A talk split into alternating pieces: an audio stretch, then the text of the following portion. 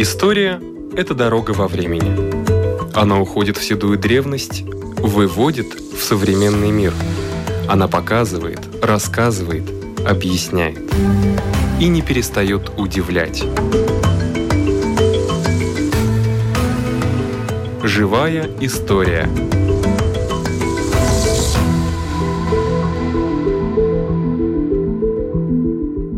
У микрофона Лидия Чера.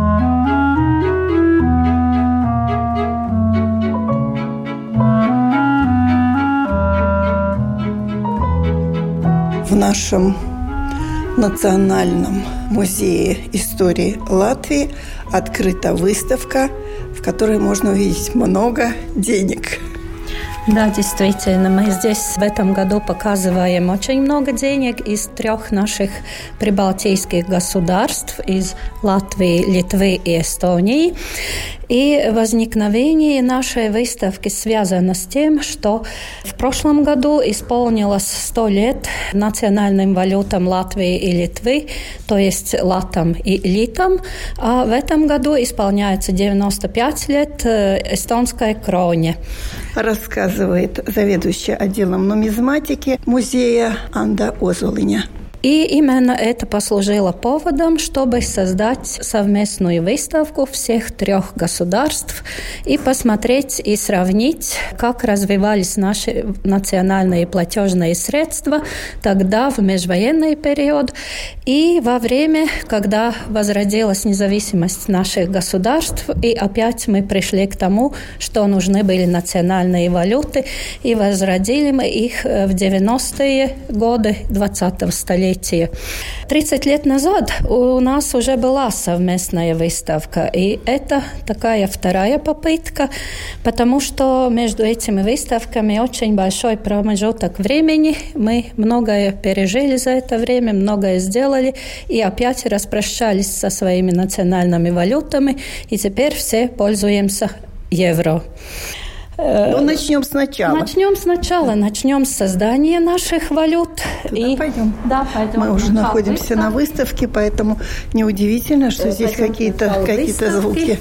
И будем говорить о том, что создание этих валют происходило в трудное время, когда закончилась только что Первая мировая война, оставив большой хаос в экономике, очень трудное экономическое положение на этой территории, которая была под немецкой оккупация, здесь в обращении очень разные сорта денег, и все три молодые государства сталкивались с тем, что надо было как-то в этих условиях свою экономику стабилизировать, чтобы возможно было перейти на полноценную, покрытую золотом, то есть обеспеченную золотом валюту.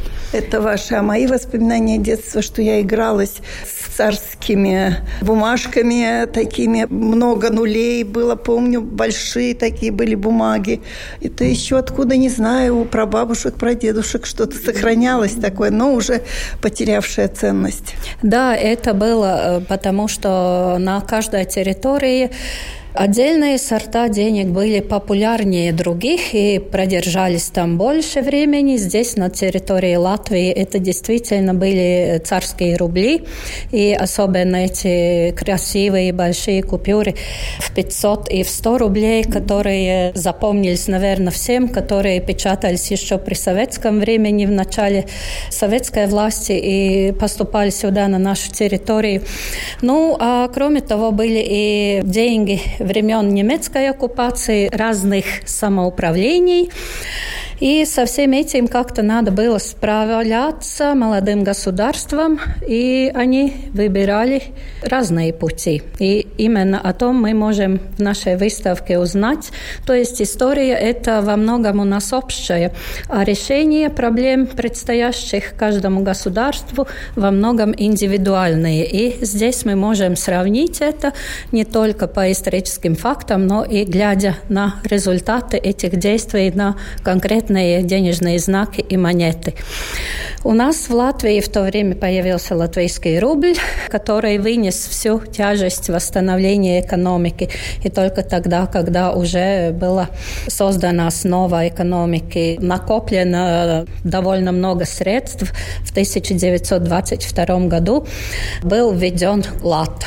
В Литве поступили похожим образом, но только там не создавали специальную переходную денежную единицу, как мы рубль, а они пользовались деньгами, которые остались от немецкой оккупации и были особенно популярны на территории Литвы. То есть это были Остмарки и Остфенинги, выпущенные для оккупированных восточных областей. И их там было много, и их переименовали в Ауксинос, что означает э, на литовском «золотой». И фенинги стали скатиками, то есть грошами, и они тоже исполняли функции временных денег. А в Эстонии вся эта история происходила сложнее, потому что там очень долгим был этап, когда функционировала эстонская марка, то есть первая денежная единица независимой Эстонской республики была марка, которая делилась на фенинги. И только в 1928 1938 году в обращении поступили первые кроны, угу. хотя по закону они были введены еще в 1924 году, то есть стали основной счетной единицей. Они были приравнены к северноевропейским кронам, то есть валютам Норвегии и Швеции по ценности, но использовались в обращении эстонские марки. Поэтому, наверное, назвали кронами, а не назвали эстами. Да, потому что связано все это было с этой системой кроны, которая функционировала в тех государствах, в которых Эстония была вынуждена делать послевоенные займы, очень большие послевоенные займы, крупные, которые приходилось потом отдавать. И в связи с этим и установилась эта денежная единица. А, кстати, Латвия была единственная из трех государств, государств, которая обошлась без иностранных займов на пути к созданию ЛАТа. Приятно вспомнить. Приятно вспомнить, как тогда получилось у нас это все. Потом уже функционирование наших независимых, полноценных, обеспеченных золотом валют, э, самая ценная из которых по содержанию золота стала эта эстонская крона потом э, латвийский лат, который содержал 0, и почти 3 сотых грамма золота, а наполовину э, дешевле, если так можно выразиться, был литовский лит. Но здесь на выставке мы не так много уже и рассказываем об дальнейшей экономике наших стран, об развитии этих всех экономических процессов в межвоенное время, ну а больше о том, как делались деньги. То есть как задумывали создавались, как создавались, как на это все повлияли и разные новшества в самом процессе изготовления бумажных денег, и о том, как эти деньги отражают те ценности, которые бытовали у наших трех народов. То есть мы во многом очень похожи, мы все вышли из крестьян, мы ценим эти основные жизненные ценности, но и разные индивидуальные особенности особенности мы можем заметить в этих символах, которые мы выбрали для своих новых национальных валют. Мы говорим о художниках, которые создавали эти деньги, которые рисовали, которые проектировали, и о том, что было реализовано и что осталось только в заготовках, и почему так происходило, и можно ли было всему быть иначе. То есть могли ли мы назвать свои деньги другими именами, могли могли ли мы видеть их другими изображениями. О том тоже мы рассказываем здесь на нашей выставке. Это чтобы вы не хотите заинтриговать слушателей или зрителей, которые придут на эту выставку. Но давайте а, расскажите мне, по крайней мере, о пятилатовнике, который ну, сохранился во многих семьях. Ну, это действительно особая история. Это монета, которая была создана в конце 20-х годов, в начале 30-х годов. Монета, которую нарисовал художник Рихард Заринч. Он создал этот сюжет. Все это происходило в рамках конкурса. Был объявлен конкурс, и условием конкурса было то, что на монете должна быть изображена латвийская девушка в народном костюме. Но именно решение Рихарда Заринша победило в этом конкурсе, и по его эскизу, который был доработан и улучшен в монетном дворе Royal Mint, Персием Меткалфом, который был там ведущим сотрудником в это время, и был сделан этот штемпель и чеканились пятилатовые монеты. Они были самыми популярными э, в довоенное время здесь, на территории Латвии. И даже там в печати мы находим сведения о том, что когда пришла первая партия изготовленных в Великобритании монет, это происходило во время перед Рождеством, и это стало самым популярным подарком на Рождество в том году. И люди, говорят, даже стояли в очередях, как мы недавно стояли в очередях за своими особыми латовыми монетами и евромонетами, так они тогда раскупали эти пятилатовые монеты. Они хранились в семьях, и они хранились в многих семьях даже в период оккупации, в период войны. Их брали с собой те, которые уезжали на Запад, их брали с собой те, которых высылали на Восток. Они возвращались возвращались обратно сюда в виде разных э, изделий, их носили в виде э, украшений, там есть такие сакты, есть как подвески, в разных изделиях они включены. Даже в часах. В часах есть, здесь мы видим зажигалка такая с монетой, и они как бы напоминали о том времени, о нашем самостоятельном времени, о нашей в ту пору еще сильно сильная, хорошая экономика и о наших эстетических и этических ценностях, которые включены в этот э, профиль латвийской девушки. Ну, подобная судьба была и у монет других государств, но это и объективно говоря одна из самых красивых. Не зря она в этом монетном дворе в Royal Mint считается выдающимся образцом чеканки времен ар-деко, то есть выдающийся образец этого художественного стиля межвоенного. Это правда, что самое чистое серебро там? Ну, не самое чистое, но очень высокая проба. Это 90 пробы серебро, а в основном были, ну, 835 делали 75 ну, Но все равно да, высокая. Высокая проба серебра. И это, конечно, еще подчеркивает ценность этой монеты. То есть, приобретая ее, мы приобретаем довольно много чистого металла, который в разные жизненные периоды, конечно, служит и таким хорошим обеспечением, и ну, как бы залогом стабильности. И на черный день мы можем это сберечь.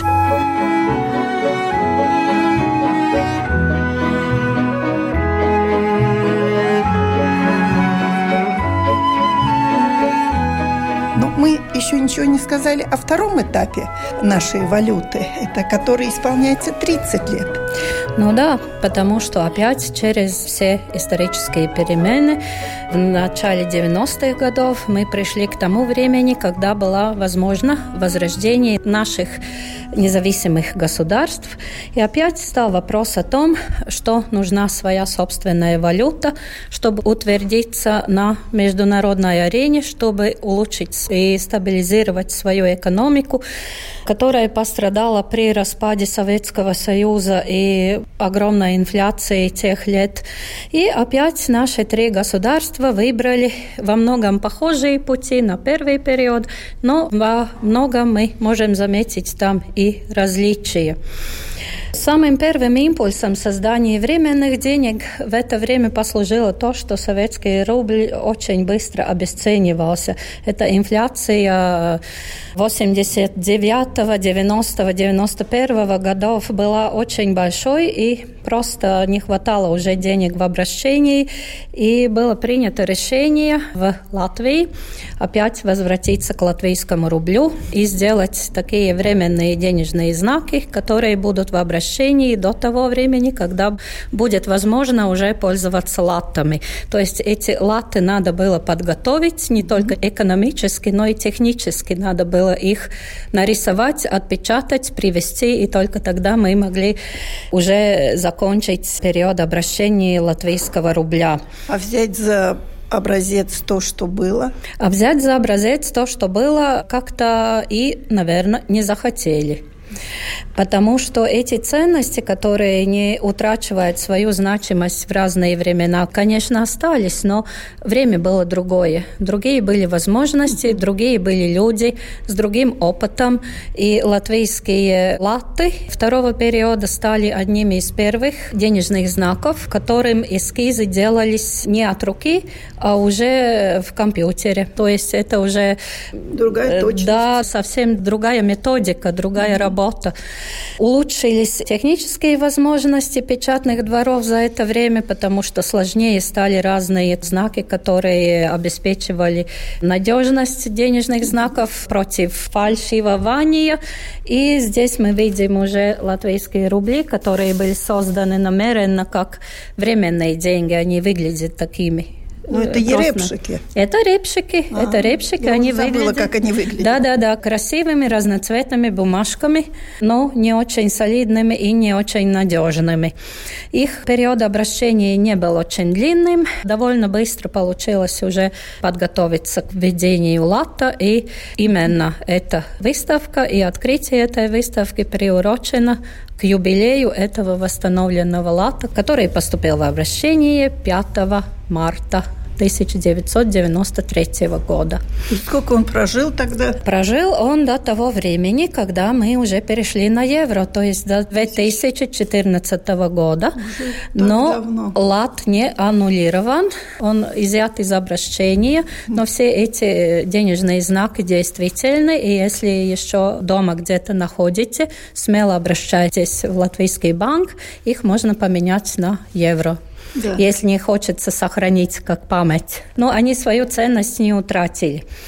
В этот второй период э, Литва пострадала больше всех наших соседей, потому что самая первая из наших государств, она столкнулась с экономическим блокадом со стороны Советского Союза и была вынуждена перейти на такие временные деньги, просто потому что рубли туда уже не поступали. И так появились литовские талонос. Были два выпуска в 1991 и 1992 году, и эти 1992 года уже полноценно служили временными деньгами до того времени, когда уже вводились полноценные литы в обращении.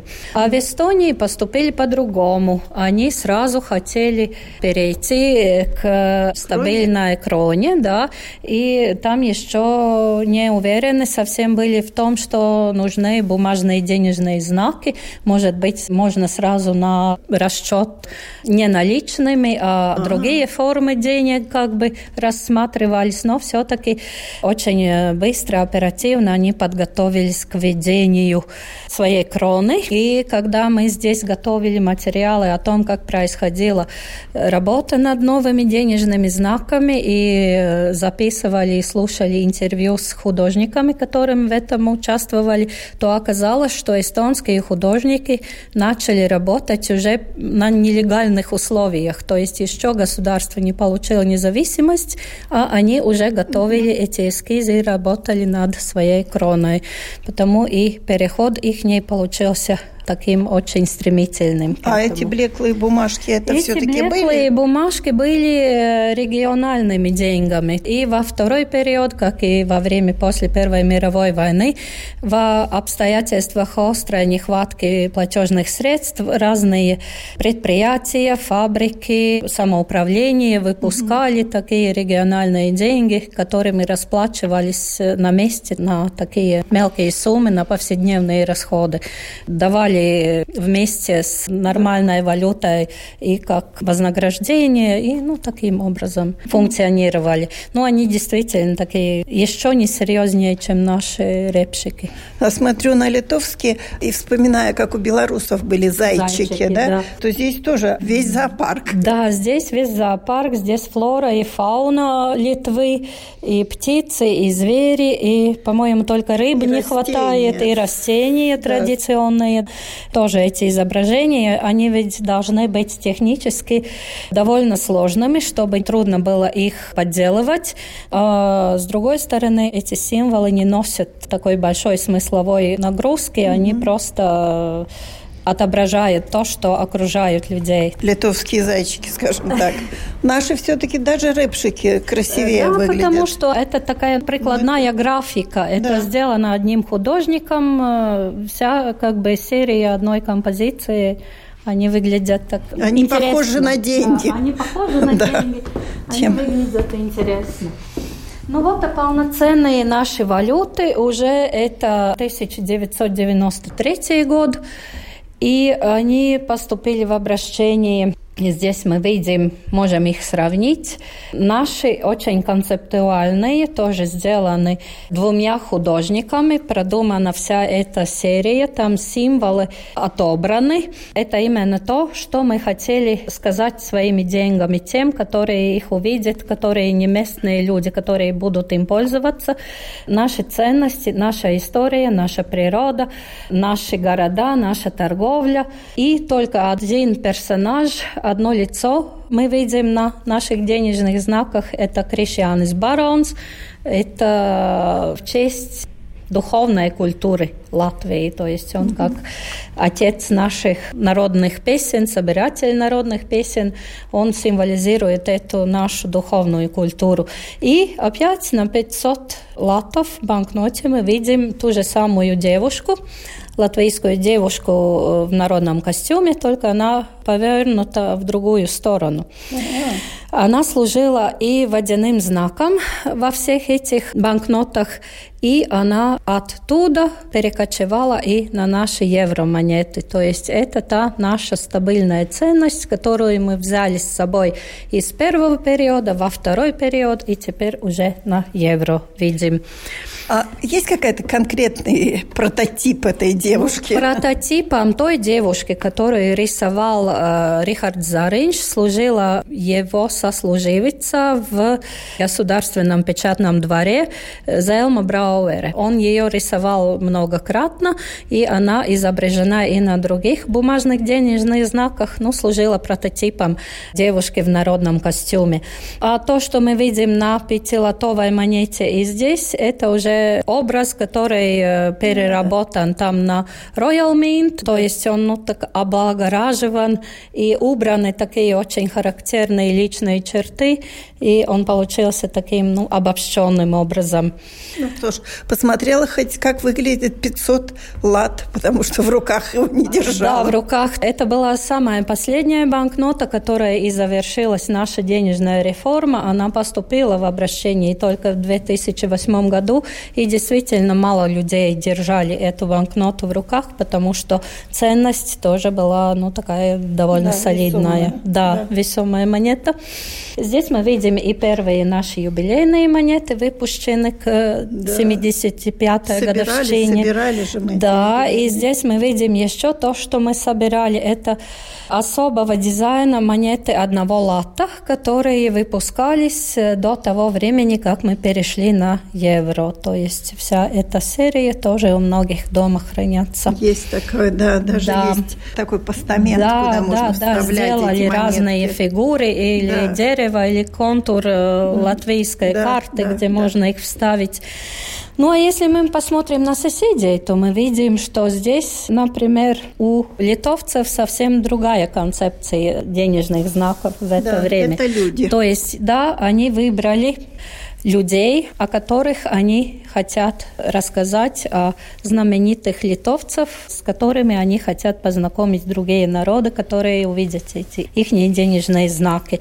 И у нас даже там нечего выставлять больше, потому что с течением времени у наших банкнот улучшились только эти защитные средства, но не менялся дизайн. То да. есть все эмиссии похожи друг на друга. А здесь мы видим уже большие различия в разных годах, в разных эмиссиях. То есть как бы тот же самый картинка, денежный да, знак, картинка но остается, картинка все но... время там что-то немножко меняется. И это, кстати, тоже один из способов бороться с подделыванием денежных знаков. Ну это да. Ну да, а Латвийский банк был очень таким настойчивым в то время, когда в Германии печатались наши денежные знаки, очень придирчивым. И у нас уже с самого начала, уже с 90-х годов, были очень прогрессивные все эти средства включены в защиту наших денежных знаков. А эстонцы тоже обратились к людям и делали денежные знаки. Ну, в основном. В основном к людям. Ну, на реверсах э, у всех мы видим такие архитектурные композиции, природные места, которые особенно знамениты в наших странах но в основном это портреты людей. То есть в этом наша валюта латы сильно отличается от других, не только соседей, но и вообще э, денежных знаков, которые выпускают независимые mm-hmm. государства в это время.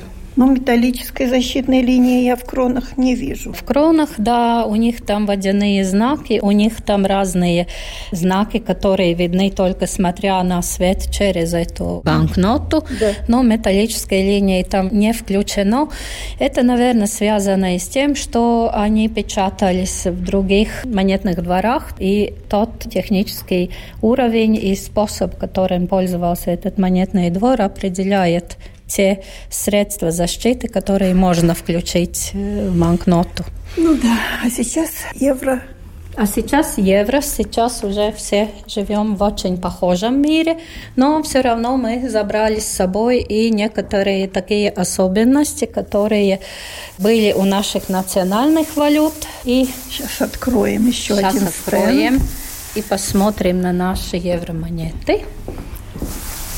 Ой, это сейчас тоже все собирают. Два евро собирают, говорят, да, какой-то очень что трудно каждое найти. государство имеет право два раза в год выпускать два евро особого дизайна, то есть посвятить это какому-то своему или международному событию или теме и выпускать такие особенные евромонеты, которые тоже становятся объектом коллекционирования и пользуются большим спросом и хорошо пополняет и доходы государства, потому и что коллекции. расходится, да, и личные коллекции тоже.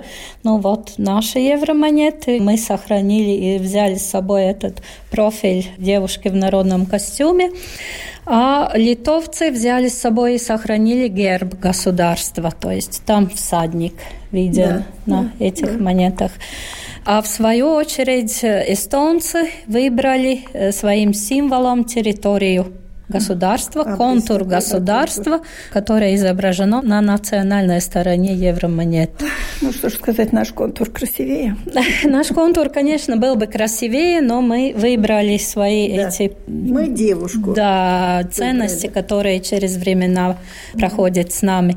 Здесь э, особые евромонеты, разных, разных стран. Разных да? стран. Это наши, это литовские, там дальше видны эстонские. Но есть такие, которые общие темы для всех государств еврозоны, а есть такие, которые выбираются индивидуально и посвящаются. Мы так с коллегами, делая эту выставку, решили, что самое красивое из всех этих особых евромонет является наша, которая посвящена дигитальной грамотности, то есть это 14-я последняя. Она как бы такая большая яблоня, которая светится при переменном свете, очень интересно. Ух, ну, а э, проектам, да, да, да, да, меняет. Она блестит. Да, да, да, цвет меняет немножко.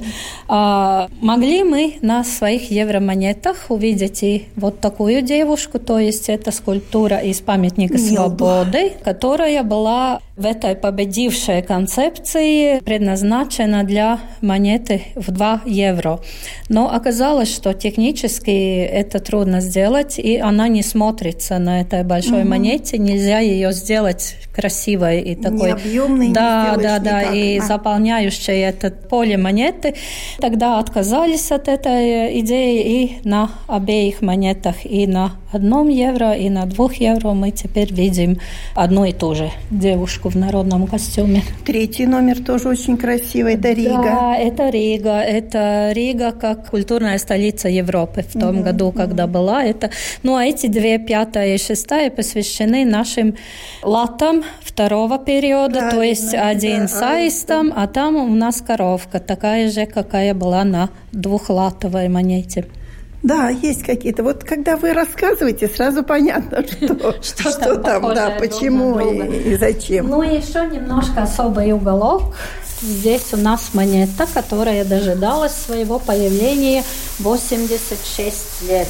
Ого, подождите. И, э, в литовской монетной системе в межвоенного да. периода и в латвийской э, были запланированные и золотые монеты. У литовцев это было 50 литов, у нас 20 латов. Но по экономическим причинам они в то в межвоенное время не были отчеканены, не были впущены в обращение, но сохранились у нас... Вы имеете в виду межвоенное, это между Первой и между Второй Между Первой мировой? и Второй мировой а войной.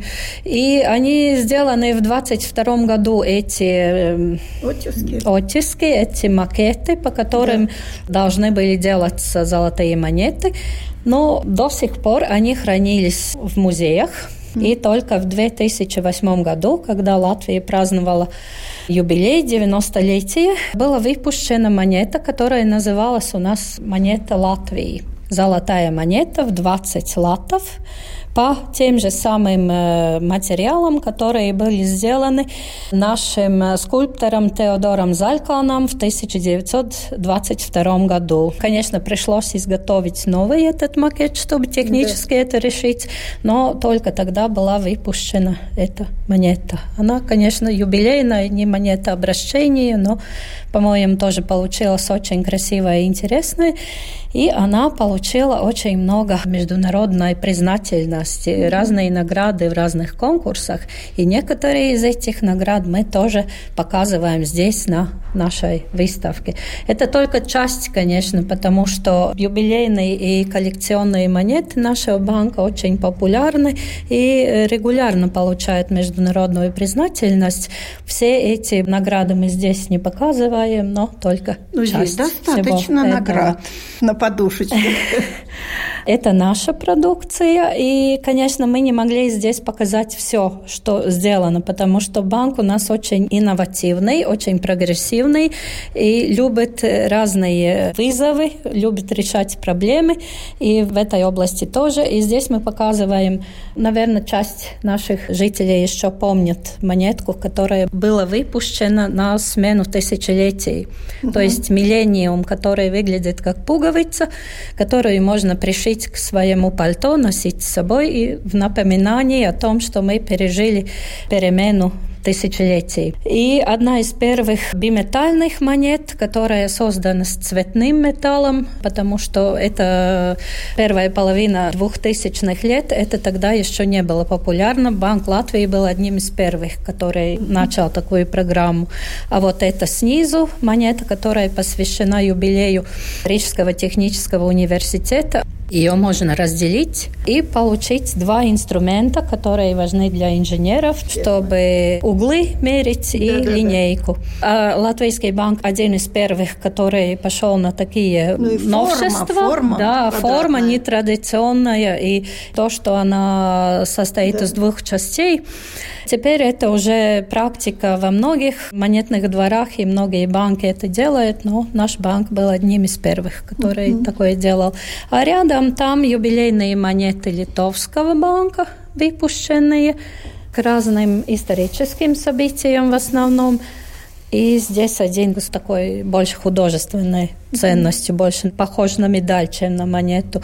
И здесь некоторые эстонские юбилейные монеты. Это к юбилею государства, это Тартусский университет. Здесь это место, где выпускание денег очень плотно встречается с искусством. И они э, не служат монетами обращения, но все-таки э, отчасти монетами являются. Ну да, все-таки это не памятный знак, это, да. это монета. Да. Еще один момент, на который я хочу обратить внимание. Мы получили возможность здесь, на этой выставке, показать вам действительно уникальные предметы. Мы уже говорили довольно много о пятилатовой монете с изображением латышской девушки в народном костюме, но не все из нас знают, что в 1941 году профиль девушки на монете должен был заменить Карлс Улманис. То есть есть был проект, что будут выпускаться пятилотовые монеты с изображением президента нашего Карлиса Улманиса. В 1939 году сделали эскизы, подготовили уже штемпеля, там же в монетном дворе Royal Mint, но эти монеты не были выпущены, они должны были выпускаться здесь в Риге штемпеля и э, монетные кружки были должны заготавливаться в Великобритании. Но в силу всех тех событий, которые разразились в 1939-1940 году, они в Латвию не прибыли и монеты не были отчеканены. А в этой выставке мы сможем показать вам эти штемпеля и некоторые материалы, которые служили для того, чтобы их изготовить. И к тому же еще и гуртильное орудие для того, чтобы в пятилотовых монетах выбить девиз нашего государства, то есть «Диevs svētī Латвию». Mm. Вот именно тот штемпель, которым эта надпись делалась на гурте монеты. Я думаю, что это интересно не только нумизматам. Да, Согласитесь. это, конечно, стоит посмотреть. Да. И, наверное, вы пройдете через эту выставку и сможете увидеть нашу задумку о том, чтобы в разные периоды задать разные вопросы, которые помогают сравнить тот путь, который прошли наши национальные валюты вплоть до того, как мы все перешли на евро. Спасибо. У нашего микрофона была заведующая отделом нумизматики Национального музея истории Латвии Анда Озулыня. На этом наша передача заканчивается. Всего вам доброго.